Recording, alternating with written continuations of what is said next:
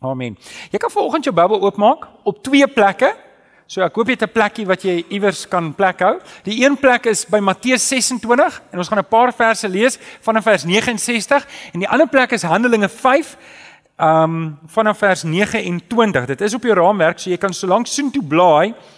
Jy kan solank soontoe blaai. Nou die van julle wat vir oggend nou vir die eerste keer hier is, besoekers baie welkom en die mense wat ver oggend is vir die eerste keer hier is, as jy nou 'n bietjie lank klas was hierso en jy weet nie waar die reeks gaan nie en jy wonder hoekom het ek nie 'n das aan vir oggend nie? Sê wat is so besig om van die kerk te word? Die predikante dra nie eens meer dasse nie. Vir julle sê vir my lekker om 'n TM te dra die laaste tyd. So voel so, daai ligte is warm. Uh, wil ek jou herinner, ons is besig met hierdie reeks wat gaan oor radikaal En um dit gaan oor 'n radikale lewe vir die Here. Die Here roep ons om anders te lewe. Weet julle as julle die koerante gevolg het die laaste week, dan dan verstom dit my om te dink hoe die kerk in Hebreë in Suid-Afrika probeer alles in sy vermoë om te onderhandel met die wêreld. En wat dan gebeur is is jy kry hierdie lou warm massa wat jy kan nie eintlik onderskei tref tussen die wêreld en tussen Christene nie. En dis presies waar die vyand ons wil hê. Hy wil juis hê dat die kerk moet baie lyk like soos die wêreld. Die die vyand wil Satan wil hê, hy wil hê, weet jy wat, as hy nou jou nie kan wegkry van die Here af nie, dan wil hy net hê jy moet net lou warm wees. Jy jy, jy moenie jou geloof aktief uitleef nie. Wees net daai ons het vir mekaar gesê meek and mild. Wees net 'n bietjie flou makou. Moenie net nie skade doen aan sy koninkryk nie. En die enigste manier hoe dit kan regkry is om om om die wêreldse goeder stadig maar seker vir jou aanvaarbaar te maak sodat wanneer jy daarmee te doen het dat dit nie meer vir jou pla nie, dat dit nie vir jou verkeerd is nie. En en en en hierdie boodskap is heeltemal anders. Eh, laasweek het Alex gepraat oor disippelskap. En eh, weet jy kan nie eintlik sê radikale disippelskap nie want disippelskap is radikaal. Jy kan nie nie radikale disipel wees nie. Jy kry nie twee klasse disippels, die radikale disippels en die gewone disippels nie. En as jy nou 301 gedoen het, dan gradeer jy op van gewone disipel na radikale disipel. Het jy 'n bietjie bemarking gehoor daar? Ja, so ja. Maar dit werk nie so nie. Werk nie so nie. Ons het tot dusver gekyk na radikale bekering, radikale toewyding, radikale gehoorsaamheid, laas 2 weke terug radikale disippelskap en laasweek radikale aanbidding. Nou vanoggend se boodskap weet partykeer weet jy as jy goed skryf soos in die boekie kom dit partykeer makliker, partykeer moeiliker, maar um, in hierdie geval is dit moeiliker geweest om die boodskap te preek want uh, waagmoed soos jy op jou raamwerk sien, waagmoed kan ek met die Engelse woord gebruik guts, nê, nee, of die Afrikaanse woord durf of wat 'n mooi Engelse woord is daar nog? Ek het nog een op my raamwerk iewers. Um maar om so te lewe is nie 'n staan alleen onderwerp nie. Dis iets wat ingevleg is by jou bekering. Dis iets wat ingevleg is by jou toewyding en jou gehoorsaamheid en jou disippelskap en jou aanbidding. So vir oggend praat ek met julle oor 'n bestanddeel wat 'n geur moet gee aan my en jou lewe. Dit moet 'n dit moet 'n houding wees wat in ons is en ek gaan jou volgende ek hoop die Here kan my help om volgende vir jou deur sy woord uit te daag om te sê we have to level up in ons geestelike lewe. Ek moet my lewe so instel dat ek mag nie soos hierdie wêreld lyk nie. En vriende, ek het dit al met 'n boodskap gesê en vanoggend wil ek dit weer sê. Ek praat vanoggend met twee persone. Wil jy raai met wie praat ek vanoggend? Met jou en met my. So vanoggend wil ek hê jy moet weet ek praat nie met die ou langs aan jou nie. Ek praat net met twee persone. Ek praat vanoggend met jou en ek praat vanoggend met myself. Vanoggend wil ek met julle praat oor guts in die Here, radikale waagmoed. Lees saam met my Matteus 26 vers 69. As jy jou vinger daai het, wil ek dalk net 'n bietjie agtergrond hê. So 'n paar verse vroeër het Jesus vir die disippels gesê, "Luister, my kruisiging kom." En um, ek gaan sterf. En en en Petrus het gesê, "Maar Here, ek sal U volg waar jy gaan, al beteken dit dat ek saam met u moet sterf. En julle wat weet wat het Jesus toe vir hom gesê, maar ek wil net hê julle moet hoor, die waagmoed is daar.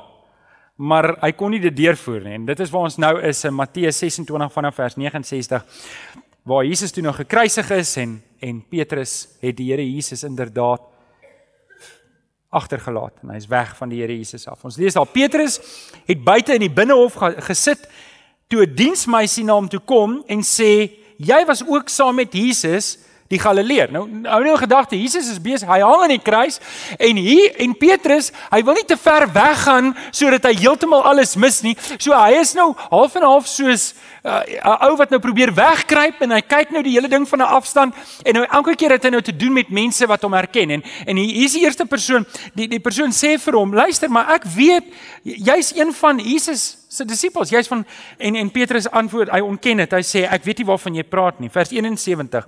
Hy hy gaan toe na die uitgang van die binnehof en dit is die probleem van as jy probeer 'n 007 Christen wees. Dit is die probleem wanneer jy probeer onder die dekmantel duik duikboot Christen. Hulle kom net op Sondag en kry hulle gaan hulle weer onder. Weet jy kry mos 'n Enos Christen, hulle borrel net op in die week. En en dis wat dis presies wat Petrus nou probeer doen. Hy probeer deel wees, maar hy probeer nie deel wees nie.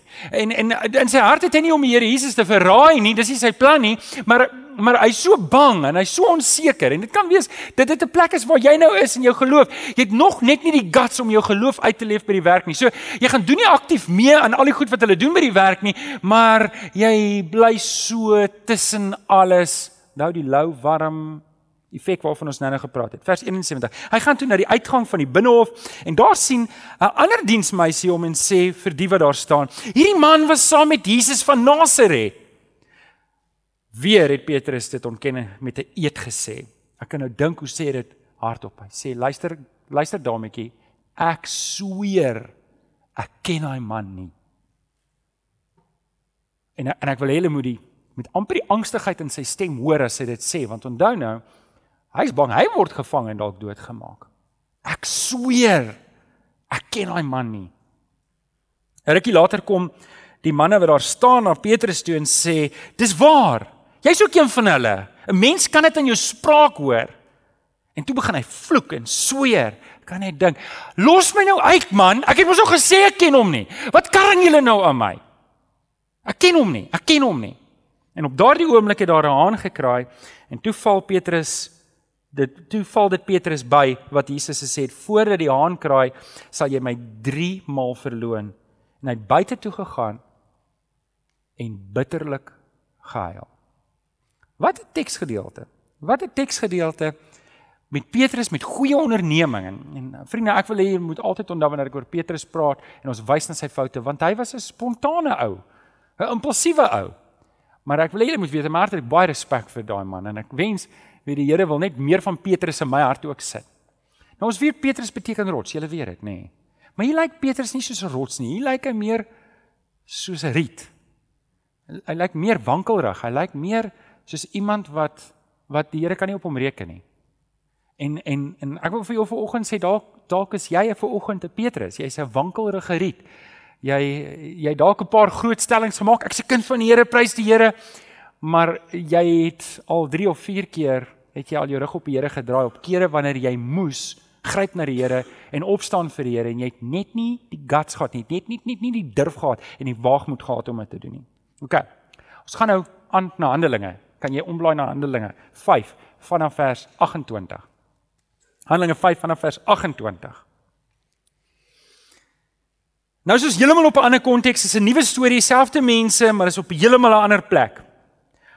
Net vir julle vinnig die agtergrond gee hierso dat iets gebeur in Jerusalem want hulle het saam gebid en ons gaan nou praat oor wat gebeur het, maar dat iets groot gebeur En en ons kry nou dieselfde Petrus, maar nie dieselfde Petrus nie. Hulle het die evangelie verkondig en hulle is gevang, hulle is in die tronk gegooi en toe die priesterhoofde hulle wil gaan haal het toe die engele hulle uit die tronk uit laat vat. En toe hulle vra maar waar is hierdie mense? Het hulle weer gevang. Julle kry nou die storie en ek wil ek wil julle moet hierdie teksgedeelte hoor vanaf vers 26. Toe die bevelvoerder en die wagte die apostels gaan haal, maar sonder geweld omdat hulle bang was die volk steek hulle onder klippe. Hulle het hulle voor die raad gebring en die hoofpriester sê toe vir hulle: "Het ons julle nie uitdruklik belet om mense in hierdie naam om mense nie in hierdie naam te leer nie? En nou lê die hele Jerusalem vol van julle leer. Boonop wil julle ons ook nog verantwoordelik hou vir hierdie man se dood." En Petrus en die ander apostels het geantwoord: "’n Mens moet eerder aan God gehoorsaam wees as aan mense." Die God van ons voorvaders het Jesus uit die dood opgewek nadat julle hom vermoor het en aan die kruis staan. God het hom verhoog tot die leidsman en verlosser aan sy regterhand sodat Israel tot bekering kan bring en hulle sondes kan vergewe. Vers 32. En ons is getuie hiervan en ons die Heilige Gees wat deur God gegee is aan die wat aan hom gehoorsaam is. Toe die raad dit hoor, was hulle woedend en hulle wou die apostels doodmaak. Baie duidelik, stem julle saam? Het ons hier te doen met 'n met 'n before en 'n after. Stem julle saam? Hier hier het ons 'n Petrus wat bang is en hy's riet en aan hierdie kant in Handelinge het ons 'n Petrus wat die priesterhoofde in die oë kyk en sê: "Julle moet self besluit aan wie julle wil gehoorsaam wees." Maar ons is gehoorsaam aan die Here. Ons kan nie stil bly net omdat julle ons belet het nie. Wat het gebeur? Ek het 'n my my is dit jou jou suster se kind is jou kleinneef of is dit jou suster se kind? Wat noem jy hom? Ag geval hy half Engels en half groot eh, half Engels en half Afrikaans groot geword teens sy naam, maar hy's ook nou al groot. Hy's ons oud soos my seun ook nou. En uh, hy het altyd gesê toe hy klein is omdat hy half Engels en half Afrikaans is, as op 'n plek kom en daar 'n glas geval of iets is gemors, dan sê hy so What het gehappen? What het gehappen? en um, wanneer ek hierdie teks gedeelte lees, dan wil ek ook saam met ou teen sê, what het gehappen? Wat hier's Petrus en hier's hy een persoon en hier's hy 'n ander persoon en ek wil ek wil vanoggend hierop wil ek fokus en ek wil vir jou help want ek dink die nee nee ek dink nie ek weet dit die Here wil vir jou help om met waagmoed en met durf vir hom te lewe. Nou weet jy wat nee, weet jy as jy nou goeie transaksies kan doen en jy het waagmoed daar, ek praat nie van daai waagmoed. Ek praat nie van waagmoed om goeie transaksies te doen nie. Ek praat van waagmoed moet om jou lewe heeltemal vir die Here te leef, consistent, radikaal vir die Here te lewe. Wat het gebeur? Wat het gebeur? Handelinge 2 vers 4. Hulle het saam gebid en daar waar hulle was, is hulle gevul met die Heilige Gees. Ek en jy, ek en jy sal nie vir die Here wil lewe as ons nie vol van die Heilige Gees is nie. As jy hier vanoggend sit en jy het geen begeerte Jy het geen begeerte om vir die Here te leef nie. Geen begeerte om uitverkoop aan hom te lewe nie. Dan moet jy weet, dis omdat die Gees van God nie die beheer het in jou lewe nie. Dis omdat jy nog nie jou lewe oorgegee het vir die Here nie. En vanoggend wil ek 'n bietjie daaroor praat. In 2 Tessalonisense 5 vers 19, want dit kan wees dat jy hier sit, jy was op 'n stadium aan die brand vir die Here, jy was lief vir die Here, jy was jy was besig daar buitekant om die evangelie te verkondig, maar iets het gebeur in jou lewe en jy dalk afgekoel, afgekoel, afgekoel, afgekoel en nou lyk jy soos die wêreld. Jy jy's 'n kind van die Here, jy's lief vir die Here, maar jy lyk net soos die wêreld daar buite. 2 Tessalonisense 5 vers 19 sê moenie die werking van die Heilige Gees teenstaan in jou lewe nie. Moet dit nie teenstaan in jou lewe nie. Laat die Here sy wil kry in jou. OK, so radikale waagmoed. Is dit Napoleon Bonaparte? Spreek ek dit reg uit? Hy het 'n ding gesê, wel hy het dit glo gesê. Baie keer lees jy van goed wat mense gesê dan hulle dit nooit gesê nie. Maar dit gee gesag as jy sê hy het dit gesê. Maar ek hoor hy het dit gesê. Hy het iets gesê soos let China sleep For when she wakes up, she will shake the world. Dit het hy glo gesê in 'n tyd toe Europa baie vinnig vooruit gegaan het ekonomies en China gelyk het of dit nie slaap is. Daar gaan net mooi niks aan in China nie. En vriende, toe toe ek hierdie aanhaling lees, toe dink ek, maar dit is eintlik nie waar van China nie. Dit is eintlik waar van die kerk. Dis eintlik waar van my en van jou. Jy kan eintlik net die kerk se naam daarin sit want ek dink, ek dink, ek dink as ek en jy wat hier sit. En onthou ek praat vanoggend net met twee mense. Ek praat vanoggend met met my en met jou. Dis al met wie ek praat. As ek en jy vir die Here sê, Here, dis genoeg. Ek ek wil nie meer vir die wêreld lewe nie. Ek wil ek wil nie meer vir die wêreld lewe nie. Ek wil vir U lewe. En ek en jy slaan in die brand vir die Here. Dan gaan daar iets groot gebeur in ons land. Daar gaan iets groot gebeur hier. Daar gaan iets groot gebeur hier in Durbanville en in Brackenfell en in Bellville en Kraaifontein. Waar ook al jy is. As ek en jy in die brand saam vir die Here, dan gaan ons waagmoed kry soos wat Petrus dit gehad het. En dis iets wat uit homself uitkom nie. Weet julle wat as ek waagmoed het sonder die Heilige Gees, dan is dit iets wat uit my vlees uitkom en raai waarheen gaan hy my lei? Dink jy hy gaan my na die Here toe lei? Hy gaan my teruglei na die wêreldse dinge toe, dieper in die vlees in. So, Ek gaan vir jou vier goedjies gee wat vir jou kan help net om hierdie konsep van waagmoed in die Here te verstaan. Nommer 1. Nommer 1. Die Heilige Gees is die bron van ons krag. Die Heilige Gees is die bron van ons krag. Ons het 'n rukter gepraat oor 2 2 Timoteus 1 vers 7 wat sê die Gees wat God ons gegee het maak ons immers nie lafhartig nie. OK, dit het ons, maar dit vul ons met en jy kan nou sien waar ons gaan. Krag, liefde en selfbeheersing. Nou gaan ons net eers fokus op die krag. Efesiërs 3 vers 16 sê Paulus, ek bid dat die Gees julle krag sal gee om innerlik sterk te wees. Vriende, en ek het vir julle gesê, hier is 'n bestanddeel van ons Christendom. Hier is iets wat in elke aspek van ons lewe moet wees. Vriende, daar gebeur 'n spesiale ding wanneer ek die Heilige Gees nie weerstaan in my lewe nie. En dit is ek kry goddelike krag om elke dag in die Here aan te pak. Ek glo hierdie ding. Jy kan vir my sê waar werk jy? Want ek weet nie waar jy werk nie. Maar daar waar jy werk is waar die Here jou môre wil gebruik. En baie keer lewe ons met die ek wens ek was op 'n ander plek mentaliteit. Ek wens ek was op 'n ander plek en ek verloor dit dat die Here my wil gebruik waar ek nou is. As jy op 'n vliegtyg is, raai waar wil die Here jou dan gebruik? As jy in 'n bus is op pad na 'n plek toe, raai waar wil die Here nou, jou nou gebruik?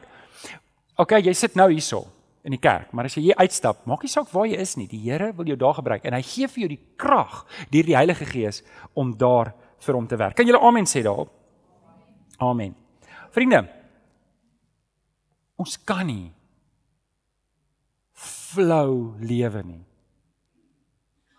Een van die groot redes hoekom ons die krag van God in ons lewens onderbreek is omdat ons met die wêreld onderhandel. Een van die groot redes hoekom die krag van die Heilige Gees in my lewe onderbreek is omdat ek die werking van die Heilige Gees in my lewe teëstaan en omdat ek onderhandel met die wêreld. Ek laat die wêreld se goed in my hart toe. En dan verloor ek die krag van die Here. Onthou julle daai liedjie wat ons gesing het op Sondagskool? Julle sal dit dalk ken. Hier kom 'n liedjie. Is jy reg om te sing? Kom, Hanlie sit hom vir ons op want ek is bang hulle gaan my alleen laat sing. Onthou julle hierdie liedjie? Hierdie liedjie kom hy nou. Hy hy hy het iets gegaan soos Liewe Jesus, ek is klein, swak onkundig en onrein. Neem my vir my tot hier, laat my daagliks van U leer. O Jesus, neem my. O Jesus, neem my. O Jesus neem my en vorm my tot U eer. Nou moet julle die tweede vers saam sing. Julle moet hom saam vir. Liewe Jesus, maak my sterk, vlytig om vir U te werk. Laat my tog gehoorsaam wees en die sonde altyd. Nou wil ek julle hoor. O Jesus, neem my O Jesus neem my. O Jesus neem my en vorm my tot u eer. Wat ek nou sê wil ek hê jy moet mooi hoor en mooi verstaan. Een van die top prioriteite wat die Heilige Gees in my lewe het is om my te vorm om meer soos Jesus te lyk Die krag van die Heilige Gees sal altyd my in daai rigting inwerk. En dit moet ek onthou. OK, so nommer 1 is krag. Dankie dat julle saam sing. Dit het so goed gegaan. Ek was bang daaroor, hoor, ek was bang daaroor. OK, nommer 2. Die Heilige Gees is ook die bron van ons liefde. Die Heilige Gees is die bron van ons liefde. Ek is nie my eie bron vir liefde nie. Ek is dit moenie uit my eie hart uitkom nie. Ek kry dit by die Here. 1 Tessalonisense 3 vers 12 sê: "Mag die Here julle liefde vir mekaar en vir alle mense laat groei en oorvloedig maak, net soos ons liefde vir julle." Die tweede deel van daai vers sê: "God se Gees maak vul, maak ons nie lafhartig nie, maar vul ons met krag en liefde." Nou, wanneer ek praat oor guts, wanneer ek praat oor waagmoed, dan sê jy sê ja, krag kom op. Maar liefde? Hoe pas liefde in by waagmoed? Julle geweet, ons het meer guts nodig om lief te hê as enigiets anders. Wie van julle sit hierso en sê daar's mense van wie ek niks hou nie?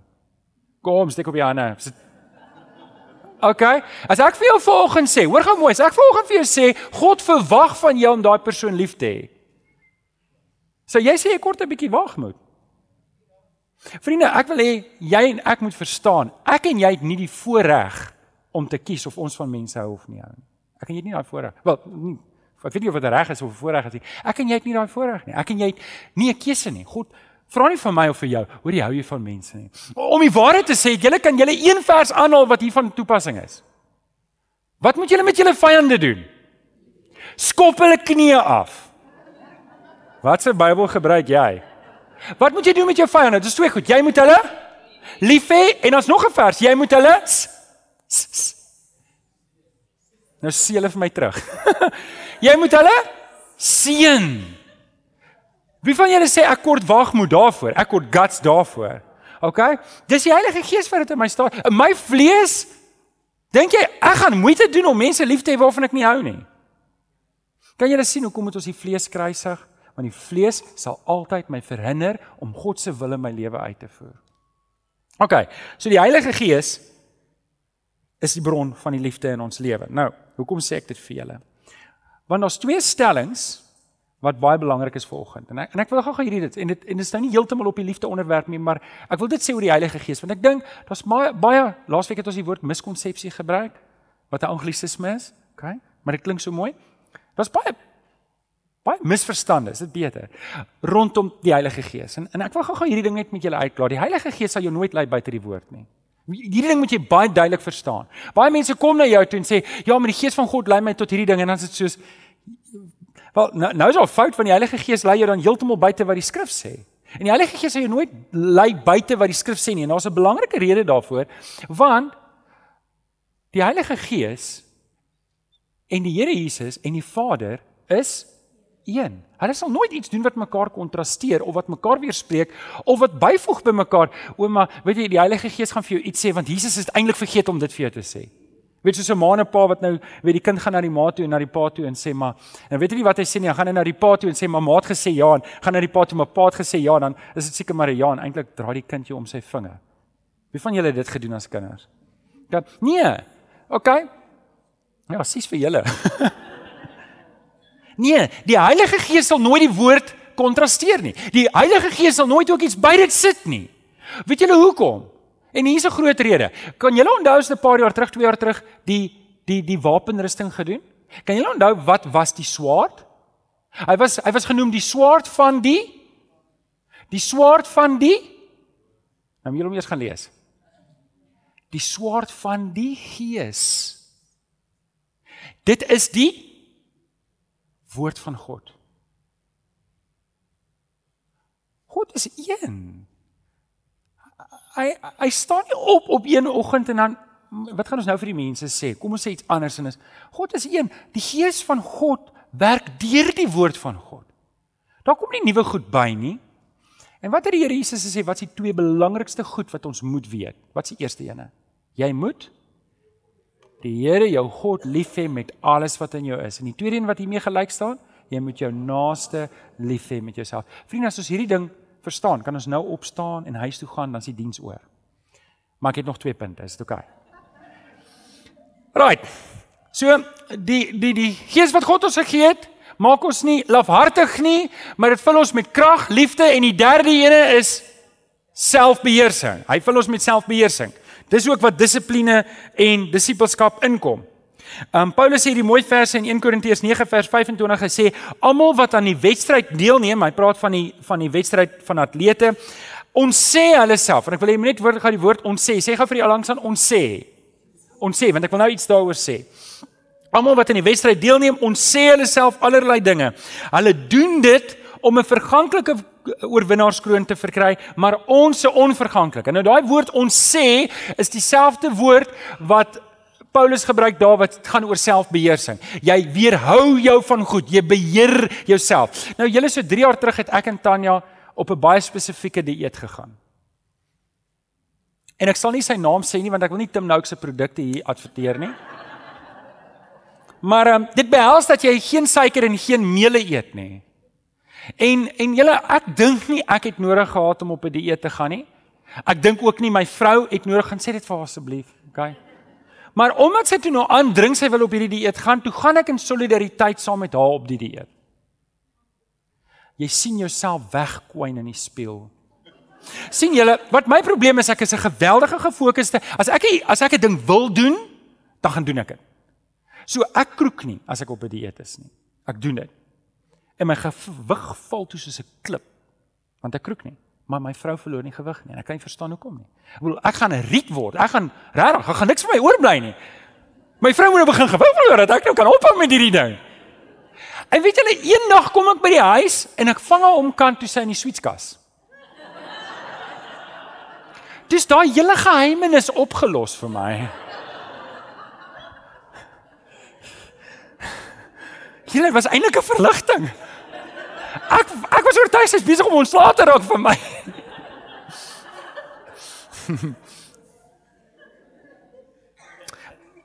Paulus sê as ons in hierdie wedstryd wil deelneem, moet ons selfbeheersing hê. En julle ek praat nou nie van 'n dieet nie, okay? Wil net die punt gemaak het. Praat hier van ek moet verstaan daar's seker goed wat ek nie mag doen nie.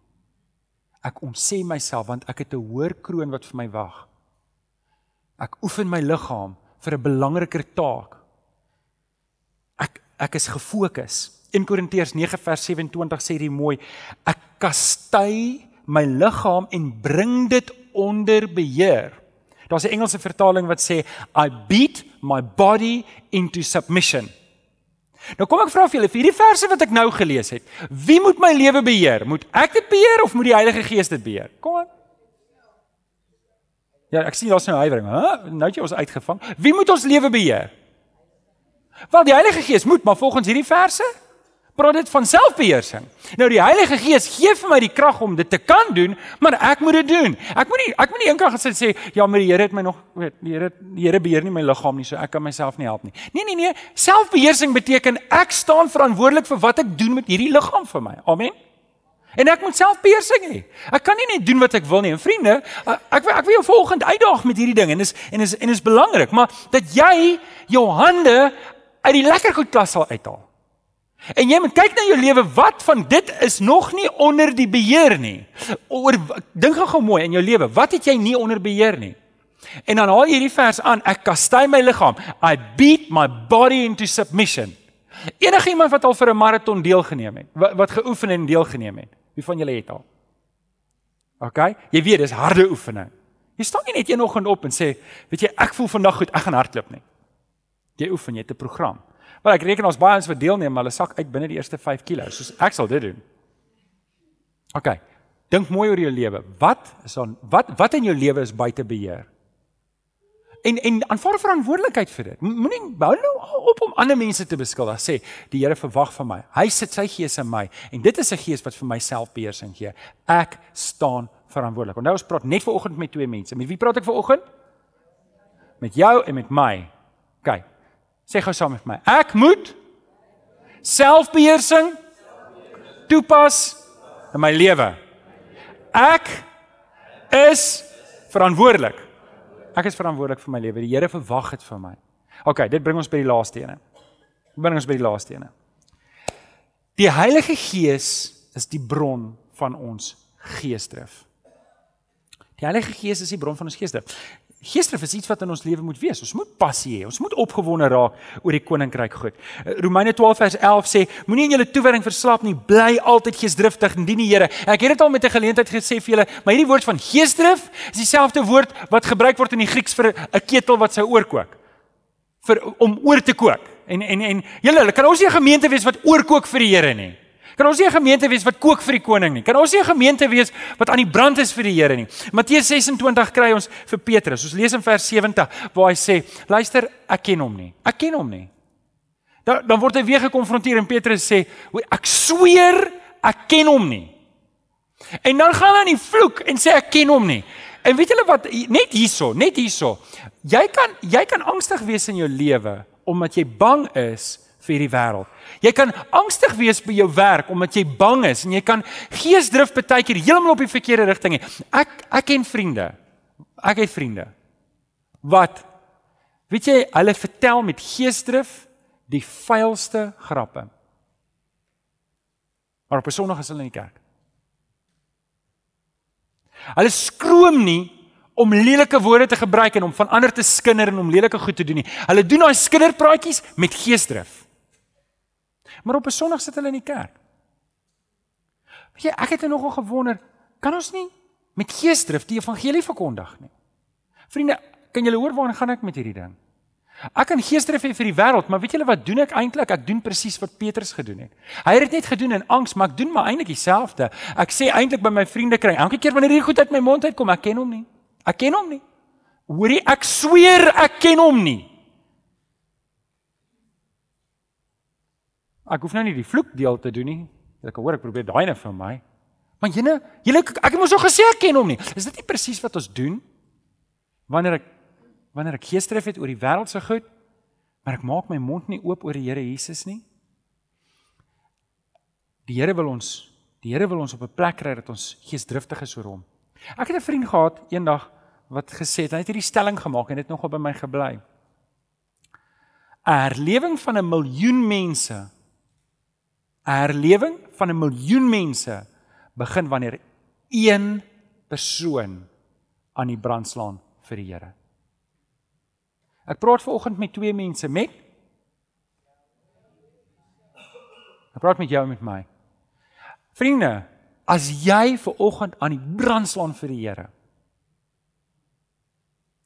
dan kry jy bonatuurlike waagmoed. Ek vra nie van jou om iets te doen uit jou vlees uit nie. Ek vra vanoggend om om die Heilige Gees toe te laat om in jou lewe te werk en om nie te weerstaan nie en toe te laat dat dat hy jou in die brand steek. Want wanneer hy jou in die brand steek, gaan jou vrou, gaan jou man, gaan jou kinders, gaan jou ouers, gaan sien ons iets anders in jou. Hulle gaan sien maar ek doen nie meer die ou dinge wat ek gedoen het nie. Ek klaar met die ou lewe. Dis wat 'n radikale lewe is. Dit is wat dit beteken om radikaal vir die Here te lewe. Ek is weet jy wat ek lewe by die werk vir my koning.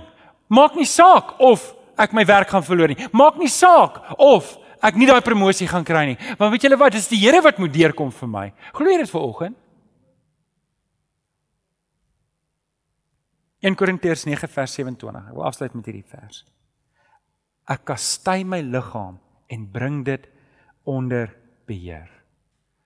Vriende, kom ons leef met waagmoed vir die Here, maar nie uit ons vlees uit nie, nie uit onsself uit nie, maar uit die krag wat die Gees vir ons gee. Want dit is hy wat ons vul met krag, liefde, selfbeheersing en geesdrif. Ek wil vir jou bid. Kom ons sê die oor en bid ons saam. Vader, Ons kom bely dit dat ons soms eintlik maar net blyk soos die wêreld. In ons hart is ons lief vir U, maar ons hou dit maar vir onsself want in hierdie wêreld waar ons leef wil ons nie eintlik op iemand se tone trap nie en ons wil nie ons wil almal aanvaar soos wat hulle is en ons wil maar Here terselfdertyd terwyl ons dan terughou weerhou ons dit wat juist die mense red, die evangelie. Here kom help vir ons dat ons met hierdie waagmoed sal lewe dat net soos Petrus ons om 'n prentjie het van voor en na en na sien ons dat hier is krag in hierdie man en dis nie krag wat hy uit homself het nie want ons het gesien wat hy gedoen het in sy eie krag maar toe u hom oorgeneem het en hy's gevul met die gees het ons gesien Here dat dat iets het gebeur iets het gebeur en ons het so nodig dat iets moet gebeur in ons harte Here dat ons nie so flou en lou in hierdie lewe leef nie. Here, U weet wie van ons sit ver oggend hier en het regtig 'n uitdaging met goed wat nie in beheer is nie. Geleenthede waar ons die Heilige Gees weerstaan omdat ons dalk soos Petrus bang is of nog nie gereed is om afstand te doen heeltemal van ons ou lewe soos wat ons moet nie. Kom doen U ver oggend die oortuigwerk, Here. Kom doen U ver oggend hierdie Gees die oortuigwerk en kom vul ons Here met hierdie goed dat ons met waagmoed kan lewe. Ons bid dit in Jesus naam. En kinders van die Here sê Amen. Amen.